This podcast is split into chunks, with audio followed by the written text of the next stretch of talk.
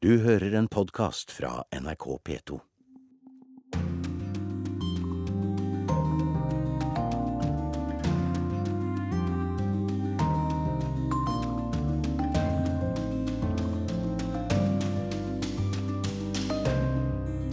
Da er vi i gang. Klokken har passert 11.03, og du lytter til Urix på lørdag. Sannsynligvis på P2, muligens på Alltid nyheter, eventuelt som podkast. Uansett, stikkord for dagens sending er tyrkisk valg, presidenten frir til kurderne.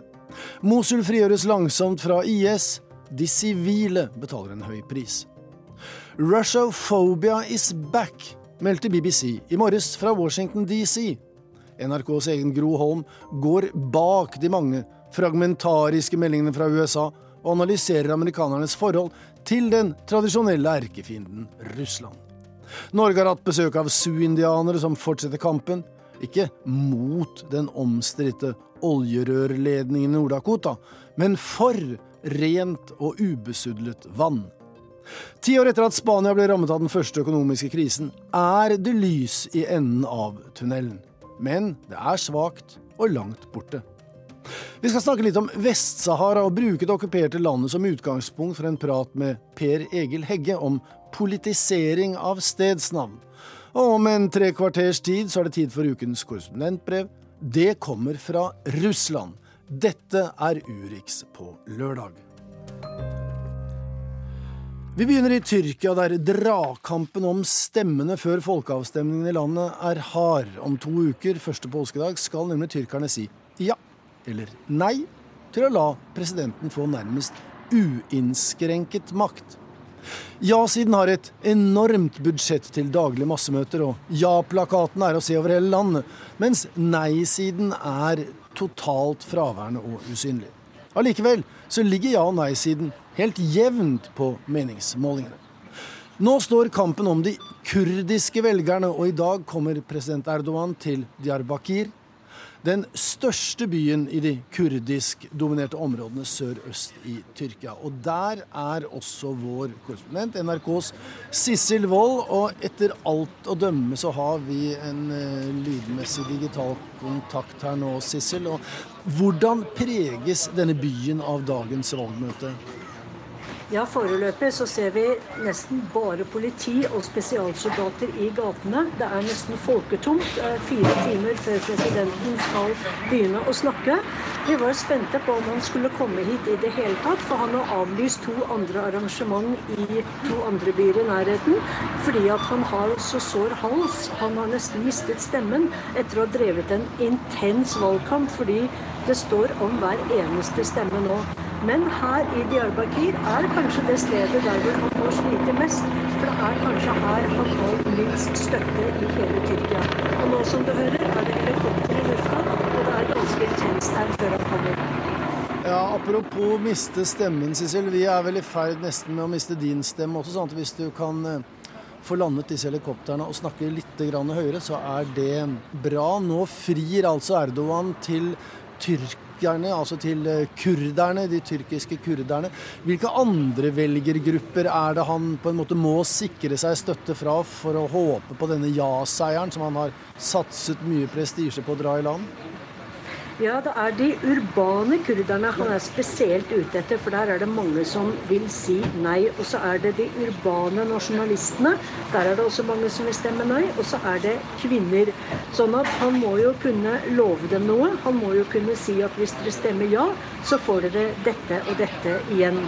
Eh, men kurderne har jo, som vi vet, vært i en flere tiår lang konflikt med de tyrkiske myndighetene. Det har vært eh, krig og militære konflikter i mange tiår, sånn at det er mange her som er veldig skeptiske til Erdogan. Du, han brukte jo en, eh, du nevnte nasjonalistene. Han brukte en voldsom retorikk mot bl.a. nederlendere og tyskere for bare kort tid siden. Eh, det var vel for å fri til nasjonalistene. Hvordan har det slått ut? Ja, det er helt korrekt. Han, han kastet jo rundt seg med nazi beskyldninger og beskyldninger om at nederlendere og tyskere var fascister og etterlemninger av nazister. Det var et veldig høyt spill, fordi Tyrkias forhold til EU er nå satt tilbake. Veldig, veldig anstrengt. Men han vant ikke mye på det. Meningsmålingene, hvis vi skal tro dem, viser at det var mange som lot seg eh, overbevise om at Erdogan var tøff mot europeerne, mot utlendingene, mens like mange mente at nei, vi kan i alle fall ikke stemme på ham som har en slik retorikk mot våre antiskapere og Nato. Vi eh, hører at det er eh, helikopter i luften hos deg, Cecil. Vi antar at det har med sikkerhetsopplegget å gjøre. Eh, dette er jo et besøk i Løvens hule. Hvordan tror du at president Erdogan vil bli tatt imot i kurdiske Diyarbakir? Det er det mange som er spent om. Det er jo mange her som tror at eh, for å sikre seg en stor eh, folkemengde å snakke til, så kommer mange til å bli busset inn. Vi så at det var mange som kom med busser her i går. Fordi at eh, det er regjeringen er redd for, og Erdogan også, at det er veldig mange som sier ja til meningsmålingene, men i virkeligheten så har de tenkt å stemme nei. Så vi var og snakket med folk her som var litt bekymret for å snakke til oss, men de sa at de kommer til å stemme nei. Dette er en nei-by, så her må han slite. Hai, haier, haier. Nei, nei, nei. Jeg sier haier, nei. Jeg vil ikke ha en type arabisk kongedømme her. Den gamle mannen med heklet hvit kalott og tradisjonell kurdisk klesdrakt er klinkende klar. Og han er ikke redd for å si det. Jeg heter Haji Kemal, og jeg er fra Ahmed, sier han og bruker det kurdiske navnet på byen Diyarbakir. Om de er gode kurdere og demokrater, så vil de ikke gi sin stemme til Tayyip Erdogan, gjentar Haji Kemal. Vi sitter på bitte små krakker rundt små bord på den store plassen i gamlebyen. Her treffes mange menn hver dag som har levd en stund. De har alle opplevd flere tiår med bitter væpnet konflikt mellom PKK-militsen og den tyrkiske hæren. Etter en skjør våpenhvile blusset kampene opp igjen sommeren 2015. Stemningen i byen er nervøs. Vi hører og ser jagerfly over oss. Mange vi spør sier nei til å snakke med utenlandsk presse. De er redde for å få trøbbel med myndighetene. Men Haji Kemal snakker gjerne. Hvor mange tror han vil stemme ja her i Diyarbakir og omegn, spør vi. 30% toppen 40 vil stemme ja, mener Kemal. Mens han snakker høyere og høyere, kan vi ikke unngå å se dem. Menn som setter seg alene ved nabobordene.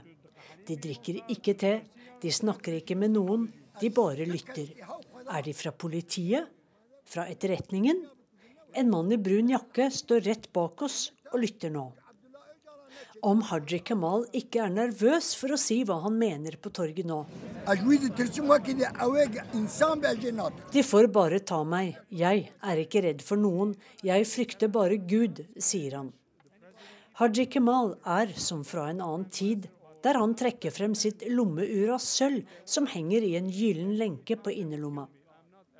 Tolken og jeg flytter oss til et annet bord for å høre flere synspunkter. Igjen blir te i små glass satt frem. Hvorfor jeg sier nei? De dreper oss, de setter lederne våre i fengsel. Derfor sier jeg nei, forklarer Abdullah, en godt voksen mann i grå dress. Abdullah snakker om lederen for det prokurdiske partiet HDP, Selatin Demirtas, som ble arrestert i fjor. Parlamentarikeren risikerer 600 år i fengsel, og onsdag innledet han en sultestreik i protest mot dårlige soningsforhold. Myndighetene mener at HDP-partiet ikke har tatt sterk nok avstand fra PKK. Er Abdullah trett av konflikten mellom PKK og den tyrkiske hæren, spør jeg. Ja, han er lei. Tyrkiske myndigheter ødela landsbyen vår.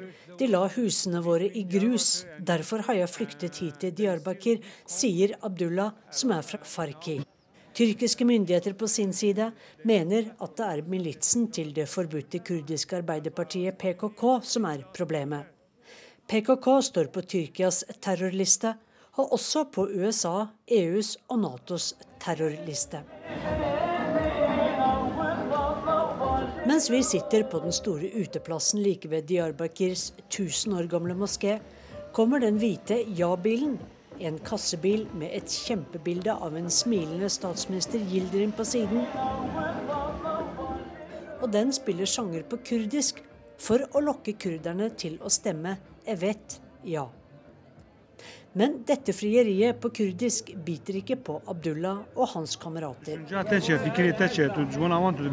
Om du er en kurder som er ærlig mot deg selv, så stemmer du nei. Men det finnes kurdere som stemmer ja, som selger seg for penger og mat, mener han. Erdogan has made a deal with Kurdish leaders. Vi har lest i avisene og hører fra mange at Erdogan skal ha gjort en deal med kurdiske ledere om at kurderne skal få utvidet selvstyre dersom de stemmer ja til å gjøre presidenten mektigere. Nei, vi tror ikke at han vil holde noen løfter til oss kurdere. Alle mennene rundt tebordet nikker. De er enige. Men hva om nei-siden vinner og president Erdogan taper? Vil ikke det skape en skummel situasjon? Plutselig stopper Abdullah å svare. Det er som om all energien forsvinner. Han ser rett frem mot en mann i en lys skinnjakke og med solbriller, som står rett bak meg.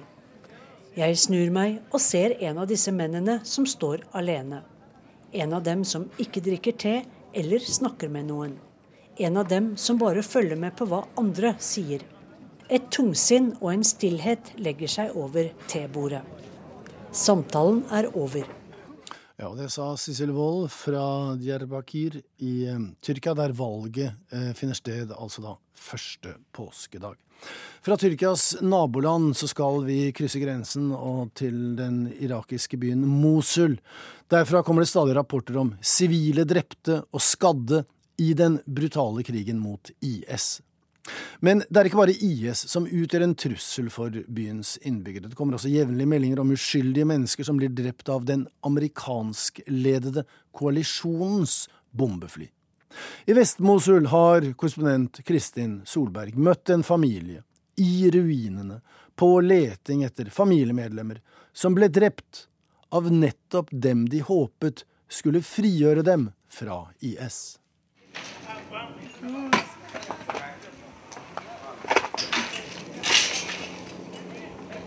I ruinene av det som nettopp var et hjem, står en mann og leter med hendene.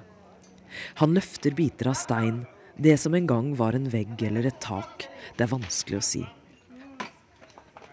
Han røsker en madrass og et teppe ut av steinene, kaster dem i en haug. Han leter etter rester av mennesker han elsket.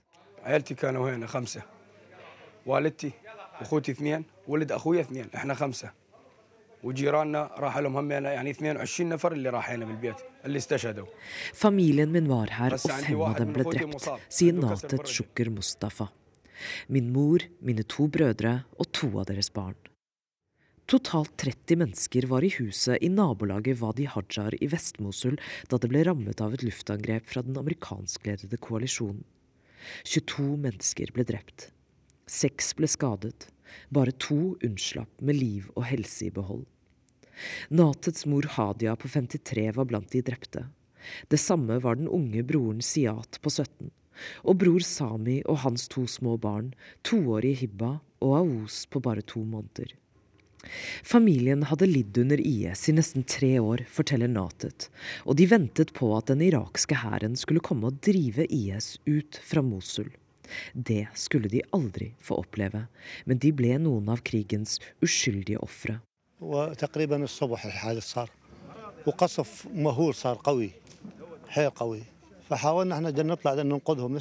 Det skjedde om morgenen. Vi hørte en stor eksplosjon. Så hørte vi skrikene deres. Vi forsøkte å gå ut og redde de skadede, men IS tillot ikke at vi gikk ut, sier Hussein Mohammed Hassan, en nabo. Natet selv var ikke her da, men kom for å hente sin families kropper ut fra ruinene. Ennå leter han etter restene.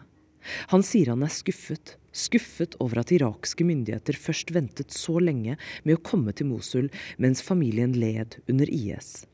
Så er han skuffet over at familien ble drept av dem de hadde håpet skulle frigjøre dem.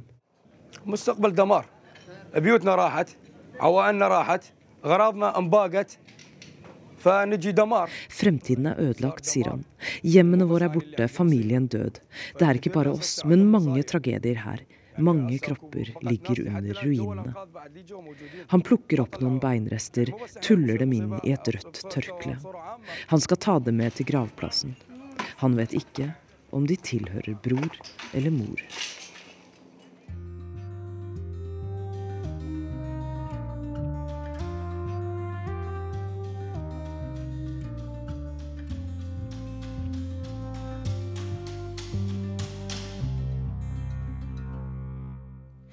Nå USA, der det foregår flere parallelle granskninger av Russlands rolle i den amerikanske valgkampen i fjor. Det store spørsmålet er om noen i Donald Trumps valgkampstab samarbeidet med russerne for å hindre at Hillary Clinton vant valget. President Trump snakket i valgkampen varmt om en oppmykning av det noe anstrengte forholdet til Russland. Det har ennå ikke skjedd, snarere tvert imot. Stemningen i den amerikanske hovedstaden er nå kraftig antirussisk. Det forteller vår USA-korrespondent Gro Holm. Det er snart et år siden daværende presidentkandidat Donald Trump snakket om å inngå avtaler med Russlands president. If we can't make a deal under my administration, a deal that's great, not good, great for America, but also good for Russia, men nå virker forhandlinger mellom Putin og Trump om avtaler av noe slag fjernere enn noensinne. En samlet etterretningstjeneste mener at Russland hacket demokratiske servere i den hensikt å svekke Hillary Clintons sjanser til å bli valgt i fjor. FBI har bekreftet at de etterforsker kontakter mellom ikke navngitte medarbeidere i Trumps valgkampstab og Russland for å se om det foregikk noen form for koordinering. Flere underkomiteer i Kongressen har sine egne granskinger, og så sent som torsdag hadde etterretningskomiteen i Senatet en høring om russisk innblanding, og komitéformannen, republikaneren Richard Burr, la ikke fingrene imellom. You will learn today that our community has been a target of Russian information warfare, propaganda, and cyber campaigns. Det amerikanske samfunnet er fortsatt målskive for en russisk propagandakrig, som også omfatter datainngrep, sa Bør og la til. Hearing,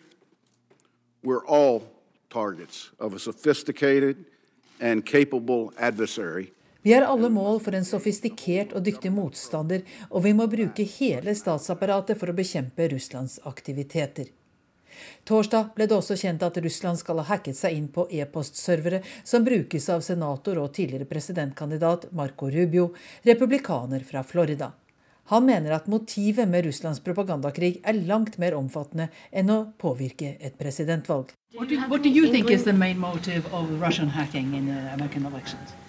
I think it goes beyond American elections. It has multiple motives to further their strategic aims, whether it's under make the argument that American democracy is not legitimate, whether it's undermining particular leaders that they believe are unfriendly to their interests, whether it's to sow instability as they've been pit Americans against each other, whether it's false stories about police shootings or Minst fire av Trumps nære medarbeidere er nå under gransking for samarbeid med Russland under valgkampen, ifølge flere amerikanske medier. Det gjelder bl.a. tidligere kampanjeleder Paul Manafort og Trumps utenrikspolitiske rådgiver Carter Page. Page holder fast ved at han rett før det republikanske landsmøtet i fjor sommer var på rent privat besøk i Moskva.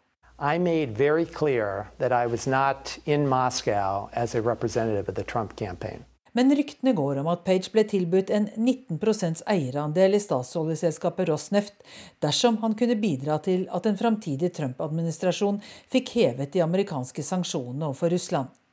Dessuten fjernet programkomiteen i det republikanske partiet en formulering om å jobbe for våpenstøtte til den ukrainske regjeringen like etter Page sitt besøk. Hva er sammenhengene? Det blir nå gransket. Og for mange i det politiske miljøet her i Washington DC er Putins opptreden i Ukraina i seg selv grunn nok til å utelukke samarbeidet med Putins Russland. Kremlin today is one of the world's two great nuclear superpowers with either the second or the third strongest conventional military forces, Kreml er i dag en av verdens to sterkeste atommakter og nummer to eller tre når det gjelder konvensjonelle styrker.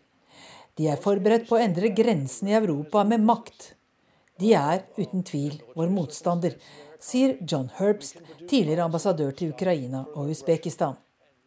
Lederen i Senatets forsvarskomité, republikaneren John McCain, var enda klarere da NRK møtte ham tidligere i vinter og spurte om mulig samarbeid med Putin. He's taken the Crimea, invaded Ukraine, has um, used his aircraft with precision weapons to bomb hospitals in Aleppo. He's a war criminal. McCain mener altså at Putin er krigsforbryter. Språket og holdningene her minner om den kalde krigen. Putin omtales rutinemessig som diktator og tyrann. Allerede i 2008 sa Hillary Clinton om Putin at en KGB-mann per definisjon ikke har sjel. I utgangspunktet er nok Trump mindre opptatt av dette med statslederes sjel. If he says great things about me, I'm going to say great things about him. I've already said he is really very much of a leader. I mean... Men for dem som hadde håpet at Putin og Trump kunne utrette store ting sammen, à la nedrustningsavtalen mellom Gorbatsjov og Reagan, det blir neppe noe av.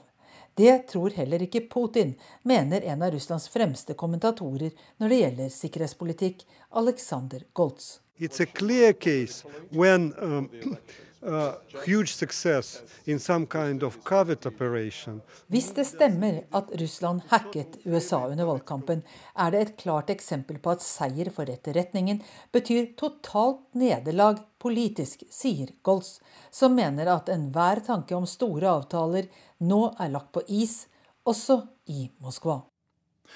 Gro Holm fra USA der, og vi gir oss ikke helt med USA, og for den saks skyld heller ikke med president eh, Donald Trump, som denne uken erklærte at krigen mot kull er slutt. Han vil skape nye jobber i kullindustrien. Samtidig så kommer det melding om at den eh, omstridte oljerørledningen Dakota Access Pipeline snart er klar til bruk. De har allerede begynt å pumpe olje inn i den, slik at det er like før. En delegasjon urfolkskvinner fra indianerstammen i Standing Rock har besøkt Norge denne uken for å snakke om urfolksrettigheter og miljø, da med Standing Rock som et eksempel. For Trump hadde bare så vidt tatt plass i det ovale kontoret da han undertegnet presidentordren som ga grønt lys for fullføringen av oljerørledningen, som de protesterte mot i store mengder i Nord-Dakota i fjor. This is with respect to the construction of the Dakota Access Pipeline. Dakota Access Pipeline. Dakota Access was on the fifth day. So we were not very surprised to see that. I was personally not very surprised to see him do that. Um, also, knowing his environmental policy, which is essentially no Tara Hauska lot seg ikke overraske av Donald Trumps raske omgjøring av miljøpolitikken i USA. Verken av kjør på-signalene til oljerørledningene Keystone XL og Dakota Access, eller av hans hyllest til kullindustrien. Han har jo egentlig ingen miljøpolitikk, sier advokaten med urfolksrettigheter som spesialfelt. Hun jobber vanligvis i Washington, men tilbrakte over halvåret i fjor i Nord-Dakota, i Standing Rock. You know, it's a common thread across indigenous peoples generally that women are water keepers. De kaller seg vannbeskyttere, de som har protestert mot at oljerørledningen Dakota Access ble lagt under et vannreservoar på Missouri-elva. Hva skjer med drikkevannet hvis det kommer sprekker i rørledningen, spør de. I urfolkskulturer er vannet kvinnenes ansvar, siden barn jo er født fra vann. Vi må beskytte moder jord og hennes vann, sier Tara Hauska. Um, for us all, and that is our duty as indigenous people, as stewards of the earth. The women were the first ones to stop the machines. Um, Det var kvinnene som ledet an, de første som fikk anleggsmaskinene til å stoppe opp påpeker Sarah Jumping Eagle. Hun er barnelege hos Sioux-indianerne i Standing Rock-reservatet. Our communities. They're attacking our sacred sites, our water source, and and how are we supposed to live if we don't have drinking water in these communities? Protestene ved Standing Rock var noen av de største urfolksdemonstrasjonene på 100 år i USA. Det var til tider tusenvis av mennesker som holdt til i leiren som ble satt opp på området som tilhørte Hærens ingeniørkorps. Og det ble flere konfrontasjoner med både politiet og med rørledningsselskapets sikkerhetsfolk. Dramatikken toppet seg i november, da Nasjonalgarden i Nord-Dakota brukte vannkanoner og sjokkgranater mot demonstrantene, sier Sarah Jumping Eagle. That night it was way below freezing, um, and they were shooting water cannons at uh, people who were standing and singing and praying. Um, and we believe the water was also mixed with either mace or pepper spray as well. Um, and people were shot with rubber bullets, um, concussion grenades. Motsetningene var og er sterke. Selskapet Energy Transfer Partners tilbakeviser at oljerørledningen er utrygg, og at det ikke følger loven. En midlertidig stans i utbyggingen ble altså opphevet av president Trump i januar, og i februar ble demonstrantene beordret av ingeniørkorpset til å stenge leiren og forlate det føderalteide området. Det gjorde de etter å ha tent på tipier og telt, slik tradisjonen er når stammene i området flytter på seg. Energy Transfer Partners sier at de nå har plassert olje i rørledningen under vannreservoaret, men anlegget er ennå ikke i drift. Demonstrantene klarte altså ikke å stoppe prosjektet, men har tvunget 17 banker til å selge seg ut, blant dem norske DNB.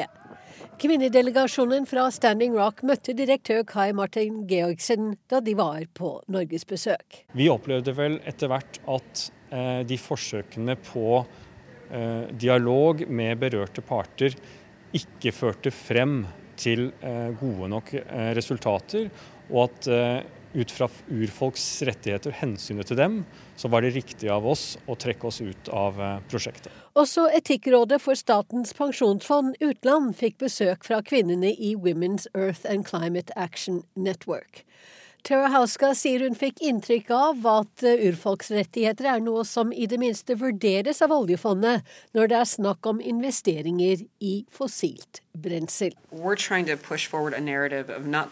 Pipeline, but fossil fuel projects generally need to be be looked at with an ethical lens. Um, they seem like they were receptive to some of it, um, to the idea of making sure that you know, the United States Declaration, our UN Declaration on the Rights of Indigenous People is actually considered um, when they are looking at investing in these projects. So I'm hopeful that we see some good results from this. Og reporter i dette innslaget, det var Wenche Eriksen.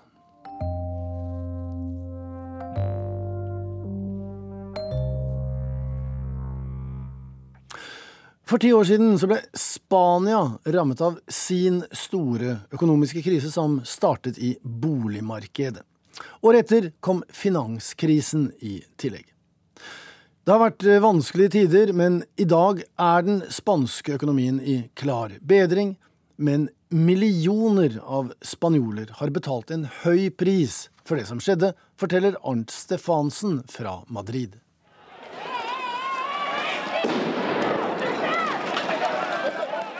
For mange nordmenn er dette lyden av den spanske krisa. Rasende spanjoler som protesterer i gatene mot nyfattigdom, arbeidsledighet og bolignød. Årene 2007 til 2014 var de mørkeste her i Spania siden diktaturet gikk i graven på 1970-tallet. En stor del av befolkningen falt under fattigdomsgrensen, og mange ble tvunget ut av boligene sine. En enorm tragedie for landet, sier Javier Maestro, tidligere professor ved Complutense-universitetet her i Madrid.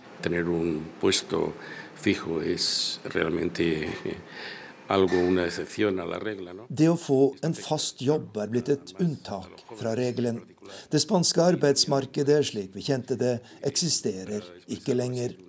Nå går millioner av mennesker på korttidskontrakter uten noe vern mot oppsigelse og med lønninger ned til 5000 kroner måneden. Store deler av middelklassen er borte, og arbeidsledigheten er fortsatt på nærmere 20% mot 10-12% før krisa, sier professoren.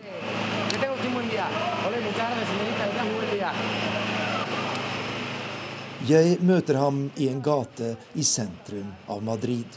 Han heter Miguel Mendiola og sjonglerer med noen trepinner for å få oppmerksomhet, mens han ber om en almisse fra folk som passerer. Nesten ingen stanser for å gi, og ordene hans drukner i lyden fra en diger anleggsmaskin like ved. Jeg er visst ingen dyktig sjonglør, selv om jeg dessverre har mye erfaring, sier han med en trist latter. Jeg må stå og tigge på gata etter å ha vært arbeidsløs i snart fem år. Tidligere jobbet jeg som bygningsarbeider og hadde en bra lønn. Man kan vel si at jeg tilhørte den spanske middelklassen, men den er det jo ikke mye igjen av etter alle kriseårene.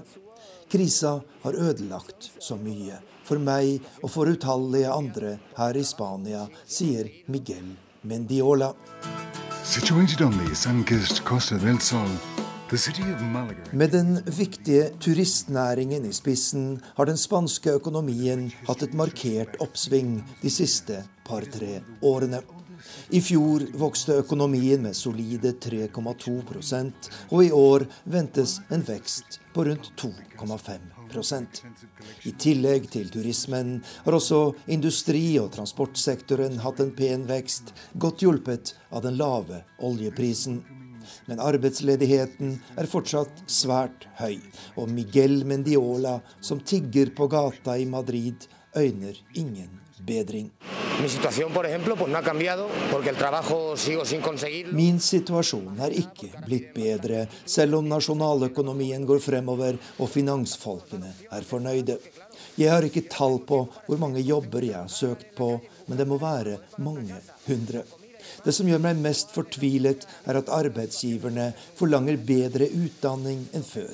Og hvordan skal jeg få tid til å studere, jeg som bruker all min tid på å skaffe penger, sier Miguel Mendiola. Ti år etter at den store krisa rammet det spanske samfunnet, er sårene fortsatt dype. Millioner av mennesker har mistet de beste årene av sitt liv, og mange av dem vil trolig aldri få en fast, normal jobb. Spanske eksperter bruker uttrykket 'en tapt generasjon'. En beskrivelse som det dessverre er mye sant i, sier tidligere professor ved Complutense-universitetet Javier Maestro.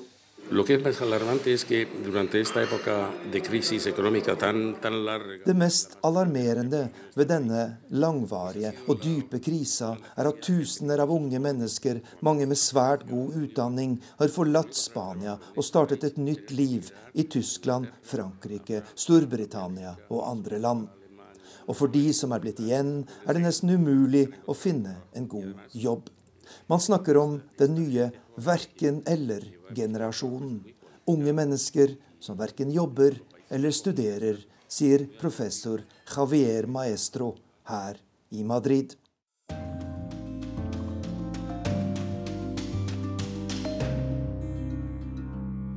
Vi skal snakke litt om Afrika. Der er det i dag bare ett land som fortsatt er kolonisert, nemlig Vest-Sahara, helt i nordvest. Og koloniherre det er da naturlig nok nabolandet Marokko, med en ikke ubetydelig støtte fra Frankrike i bakgrunnen.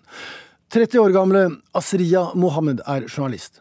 Hun er født og oppvokst som flyktning i Algerie, men sier til reporter Ståle Ytterhus at hun er fra Vest-Sahara, et land hun aldri har sett fra innsiden. Vår største problem er Frankrike. Frankrike er Marokko nær uh, allierte. Um, den konflikten er veldig enkel til å løse eller finne løsning til den konflikt. Det finnes over 100 FN-resolusjoner som støtter saharawiene rett til selvbestemmelse. Uh, det finnes ingen land i verden som uh, anerkjenner marokkansk krav på Vest-Sahara. Eh, men det er Frankrike som støtter Marokko i alt. Det er Frankrike som støtter Marokko i Sikkerhetsrådet. Det er Frankrike som forhindrer eller hindrer at eh, MINURSO, som er FN-styrke i Vest-Sahara, ikke har mandat til å rapportere om menneskerettigheter. Bare tenk om det. Asria Mohammed er 30 år gammel. Hun har studert journalistikk i Algerie kom som flyktning til Norge for snart seks år siden, og jobber nå som informasjonsrådgiver i støttekomiteen for Vest-Sahara. Hun er født og oppvokst i en flyktningleir like over grensen til Algerie, men har aldri sett landet sitt, Vest-Sahara, fra innsiden. Jeg, jeg, sier at jeg er fra Vest-Sahara, men jeg har aldri vært i mitt eget land. Det er ikke bare meg, men det er over 165 000 flyktning, flyktninger som bor i Algerie, eller som har bodd i Algerie i 41 år. Og det er veldig trist at generasjon etter generasjon eh, født, blir født og oppvokst i eh, flyktningleirene. Så Asrias utgangspunkt er ikke det beste. Men én ting vet hun. Afrika generelt og Vest-Sahara spesielt ligger hennes hjerte nær, og hun tror på fremtiden. Eh, jeg, jeg, jeg, tror på det, og derfor er vi fortsatt eller, i flyktningleirene i Algerie. Eh, og de kaller det eh, verdighetsflyktning, eller eh, dignity camp. Og det betyr at vi, vi vil ikke gire opp. Vi må fortsette kamp til vi får Vest-Sahara tilbake. Og jeg har tro på at Vest-Sahara kommer til å bli selvstendighet, fordi jeg har tro på FN. Eh, jeg har tro på internasjonale samfunnet. Jeg har tro særlig på Norge eh, og Sverige, f.eks. De skandinaviske, fordi jeg ser det er eh, tradisjonelt for respekt for folke, eh, folkeretten.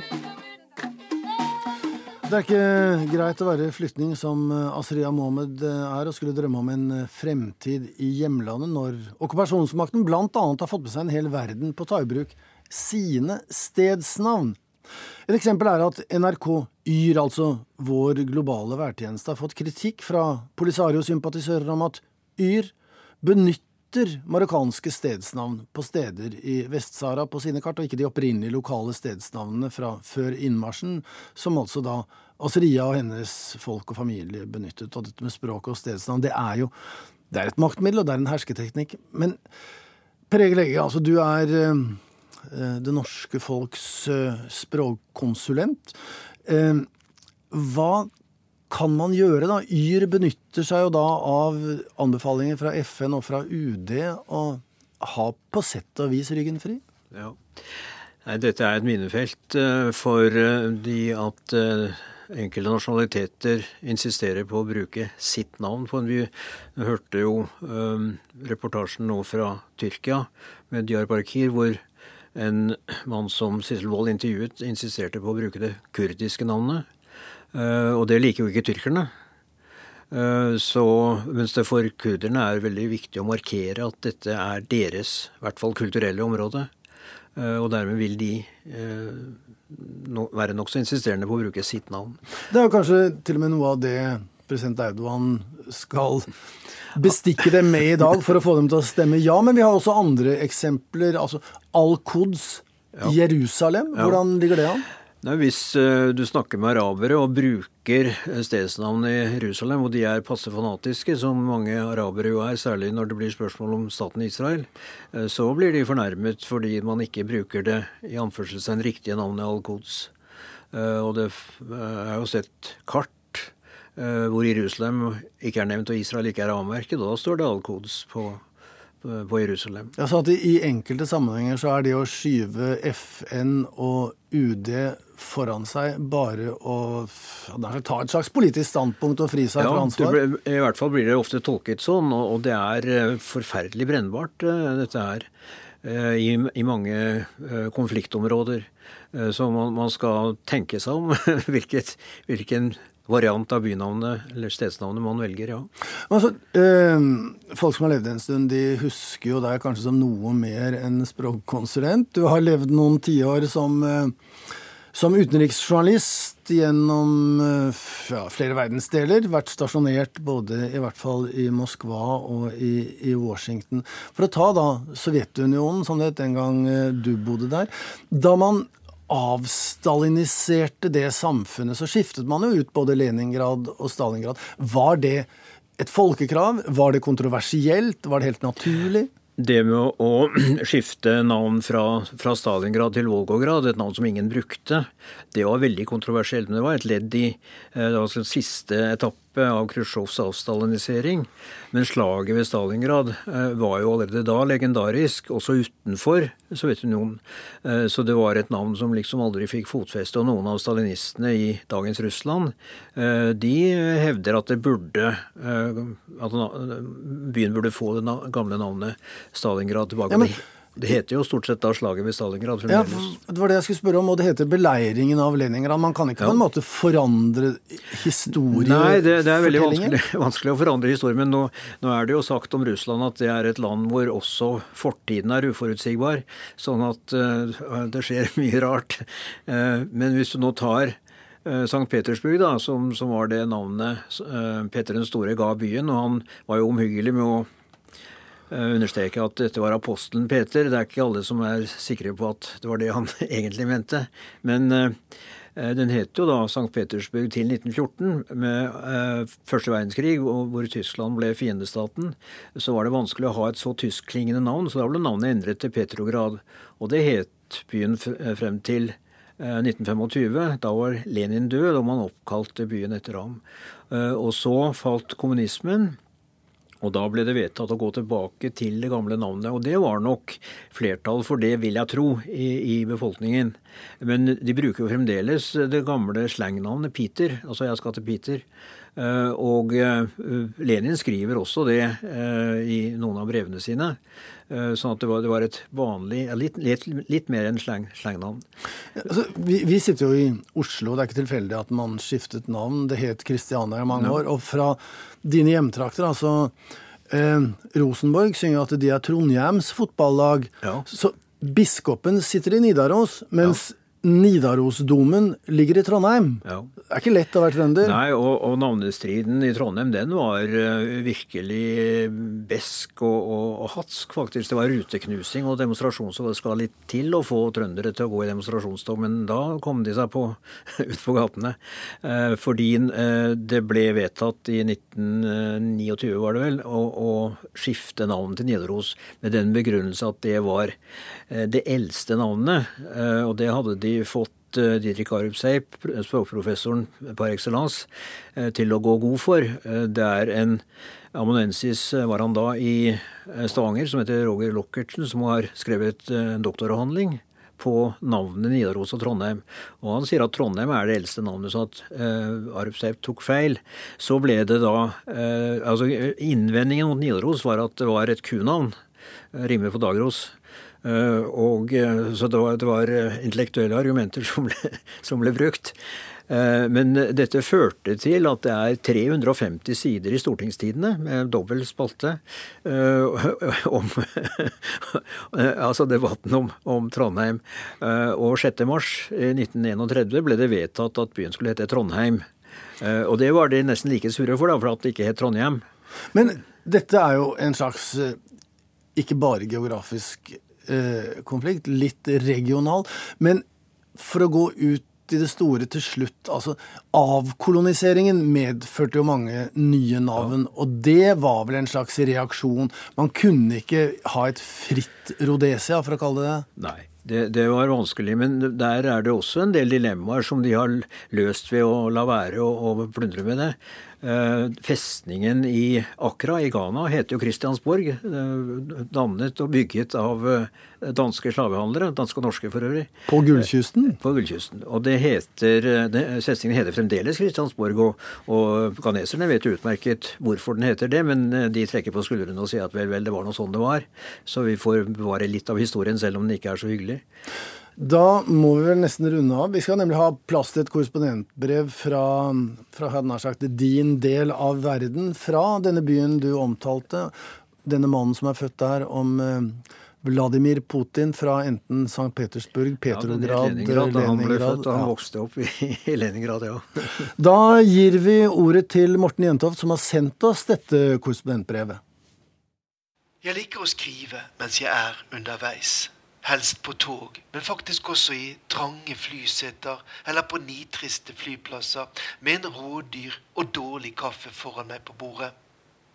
Noen av mine mest kreative stunder har jeg hatt på nattflyet til Aeroflot fra Oslo til Moskva. Så med vintersesongen letter fra Oslo ti over halv tolv om kvelden og ankommer Moskva litt før halv fem om natten. Mens de fleste av mine medpassasjerer slumrer i den halvmørke kabinen, hamrer jeg løs på PC-en. Mer eller mindre godt funderte analyser av det som skjer i det store området av verden som NRK har satt meg til å dekke. Jeg begynte å skrive på dette korrespondentbrevet på flyplassen i Arkangelsk en tidlig formiddag, der det ute var lite som tydet på at vi nærmer oss våren. Heldigvis var det bare en kraftig snøby, og flyet til Moskva kom seg av gårde i rett tid. Jeg hadde deltatt på konferansen Arktis, et territorium for dialog. Et storstilt satsingsprosjekt fra russiske myndigheter for å få oppmerksomhet om de muligheter som ligger for utvikling og samarbeid i nord. Norges utenriksminister Børge Brende hadde for første gang på tre år valgt å ta turen til Russland for å møte verdens mest erfarne utenriksminister Sergej Lavrov. Men jeg må innrømme at det som lokket mest ved møtet i Arkangelsk, var deltakelsen til den russiske presidenten Vladimir Putin. Han var også tema for mitt forrige korrespondentbrev. Men det ser ut til at jeg, og nok også mange av mine korrespondentkollegaer her i Moskva, aldri blir ferdig med denne lille mannen som i 17 år har styrt det store Russland med fast hånd. Hva kunne vi vente oss fra Putin i provinsbyen Arkangelsk? hadde han en dagsorden som gikk utover forventede floskler om hvor viktig det er å samarbeide, og at Russland bare har fredelige hensikter i nord. Dette var en sjelden mulighet til å komme litt tettere på den russiske presidenten, og kanskje få noen signaler fra ham om hva han tenker om situasjonen både i sitt eget land, og ikke minst i forholdet til den andre store atomvåpensupermakten USA. Og jeg ble ikke skuffet.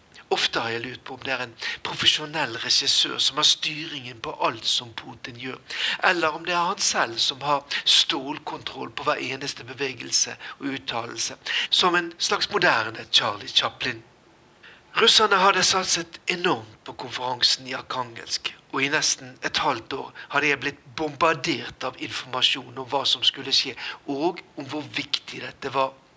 Det var ingen tvil om at dette var en toppstyrt strategi der Arktis skulle brukes for å få Russland tilbake i det gode internasjonale selskap etter isolasjonen landet har opplevd pga. innblandingen i nabolandet Ukraina. For ytterligere å understreke viktigheten kom beskjeden tidlig om at selveste presidenten skulle være til stede. Samme dag som jeg reiste til Arkangelsk, kom så nyheten om at Putin som en overtyre til konferansen i Arkangelsk ville besøke Frans Josefs land, denne russiske øygruppen som ligger øst for norske Svalbard. Nå er vi i gang, tenkte jeg. Her er det bare å følge med hva slags signaler russerne har tenkt å sende ut med dette. Mens hundrevis av journalister presset seg inn på overfylte hoteller i Arkangelsk, kom de første bildene av Putin i isødet. Og han var ikke alene. Både statsminister og tidligere president Dmitrij Medvedev og forsvarsminister Sergej Sjajgu var der. Men det de fleste la merke til, var at mens Medvedev og de andre besøkende hadde utstyrt seg med solide skinnluer i god russisk tradisjon, så ankom Putin i caps med bare ører i minus 20 grader og vind. Var dette igjen for å vise hvem som er tøffest i byen? For å bygge opp om imagen om en president som ikke er redd for noe? På Facebook og andre sosiale medier begynte det umiddelbart å koke av spekulasjoner, nettopp fordi Medvedev på denne måten igjen står fram som den svake part i forholdet til sin gamle venn og samarbeidspartner Putin. Og hvorfor valgte Putin å ta med seg Medvedev opp i isødet? Var det ikke viktig at mannen som formelt er nummer to i Russland, styrte butikken mens sjefen var på tur i nord? bakteppet er den store snakkisen i det politiske miljøet her i den russiske hovedstaden den siste måneden. Hva skjer med Medvedev? Har Putin tenkt å kvitte seg med ham? For noen uker siden var plutselig Medvedev borte fra regjeringskontorene og nyhetsbildet, og Putin selv kunne i en bisetning opplyse at statsministeren var blitt syk. Men ikke lenge etter dukket opp et bilde av Medvedev på ski. Nå var forklaringen at han var blitt frisk igjen til å ta noen dagers ferie. Samtidig offentliggjorde opposisjonspolitikeren Aleksej Navalnyj en video der det ble hevdet at Medvedev via stråselskaper disponerer en rekke store eiendommer, ikke bare i Russland, men også i utlandet. Videoen var en utløsende faktor til at titusener av russere tok til gatene sist helg for å demonstrere mot korrupsjonen i landet. Vel framme i Arkangelsk var det tid for oss journalister og diplomater å prøve å analysere hva som lå i skinnlue kontra caps. Ingen tvil om at kremlologien, tolkningen av tilsynelatende små tegn til forandring blant russiske ledere, er tilbake for fullt. Det var annonsert at Vladimir Putin skulle holde en tale til deltakerne på konferansen, men dette viste seg å bli noe litt annet enn det de fleste av oss hadde forventet, slik som det ofte er når hovedpersonen heter Vladimir Putin. Arrangementet i den relativt nye teaterbygningen i Arkangelsk var riktignok annonsert som en plenumsdiskusjon med Vladimir Putin som hovedtaler, og med start klokken 13. Da klokken ble ti over ett og lite eller ingenting skjedde, forsto vi at hovedpersonen nok en gang ville bli forsinket. Det er nesten blitt et varemerke for Vladimir Putin. Mellom oss journalister og fotografer, som var plassert i god avstand fra scenen oppe på balkongen, begynte fleipen å gå om hvor mye Putin denne gangen ville ankomme etter tidtabellen. Jeg mente at med såpass mange fornemme gjester i salen, blant dem altså Norges utenriksminister Børge Brende og den islandske og finske presidenten, så kunne det ikke være snakk om så veldig mange minutter. Jeg foreslo ti, mens min gode venn Pekka fra Helsingen Sandemat gikk for 20. Én time, sa NRKs fotograf Jordi skråsikkert. Og det var han som vant vår lille uhøytidelige konkurranse. Klokken ble faktisk to før Putin entret scenen og holdt en kort og relativt uinspirert ferdigskrevet tale om hvor viktig det var å samarbeide i Arktis. Men så begynte det å skje saker og ting. Noen hadde invitert den britiske journalisten Joff Cutmore fra medieselskapet CNBC til å lede en paneldebatt med Putin, Finlands Sauli Ninistø og Islands Gudny Johannesson. Og her gikk det unna. Cutmore hadde tydeligvis fått frie hender. Eller noen hadde bestemt at dette var et bra sted for Putin å presentere synspunkter på det meste. Og i løpet av nesten to timer fikk vi høre både hans meninger om de siste demonstrasjonene mot korrupsjon, og om at den måten Norge og Russland hadde løst grensetvisten i Barentshavet, var et eksempel til etterfølgelse ellers i Arktis. Putin avviste igjen innblanding i det amerikanske valget, og sa seg villig til å møte sin amerikanske kollega Donald Trump innenfor det arktiske samarbeidet i Finland. På scenen fikk vi se en Putin i storform som håndterte de fleste spørsmål på strak arm, selv om omgangen med fakta noen ganger kunne være ganske omtrentlig. Han flyttet bl.a. en østerriksk ekspedisjon til Frans Josefs land fram fra 1870-årene til 1930-tallet. Så var det tid for møte mellom Vladimir Putin og Sauli Ninistø i et knøttlite rom innenfor selve teatersalen. Jeg hadde tigget meg til å få følge i hele på finsk media, og det var så vidt vi ti journalister og fotografer fikk plass langs den ene veggen for at også presidentens rådgivere skulle kunne presse seg ned i stolene som var satt fram. Og så var plutselig Putin der, bare en meter foran meg, Kommanden som skaper overskrifter verden over nesten daglig. Bare forbigått i nyhetsbildet av en viss annen president på andre siden av Atlanterhavet. Ingen spørsmål denne gangen var den strenge beskjeden vi journalister hadde fått. Men artig er det likevel av og til å være såpass tett på dem som former politikken, i en verden som for øyeblikket er mer usikker enn på flere tiår. Hva sa Vladimir Putin til deg, spurte jeg den finske presidenten Sauli Ninistø. Mine venner i den finske utenrikstjenesten hadde ordnet et lite, eksklusivt intervju for NRK da møtet var over.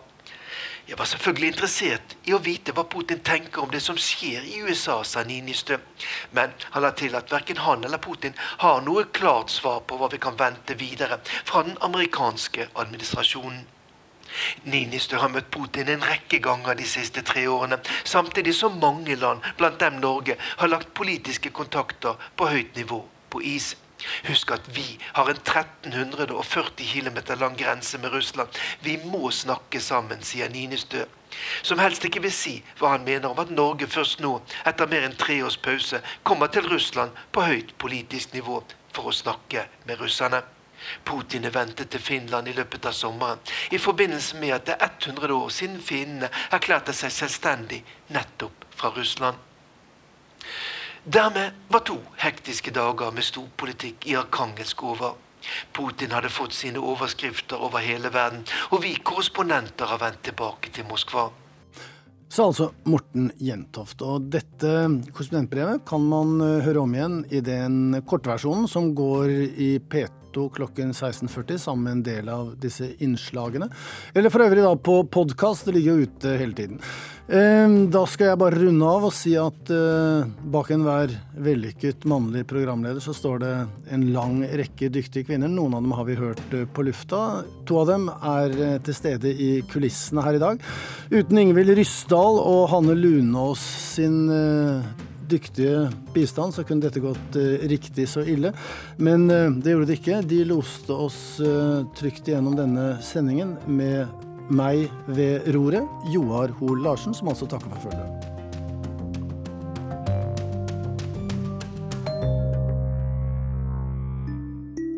NRK P2. Du har hørt en podkast fra NRK P2.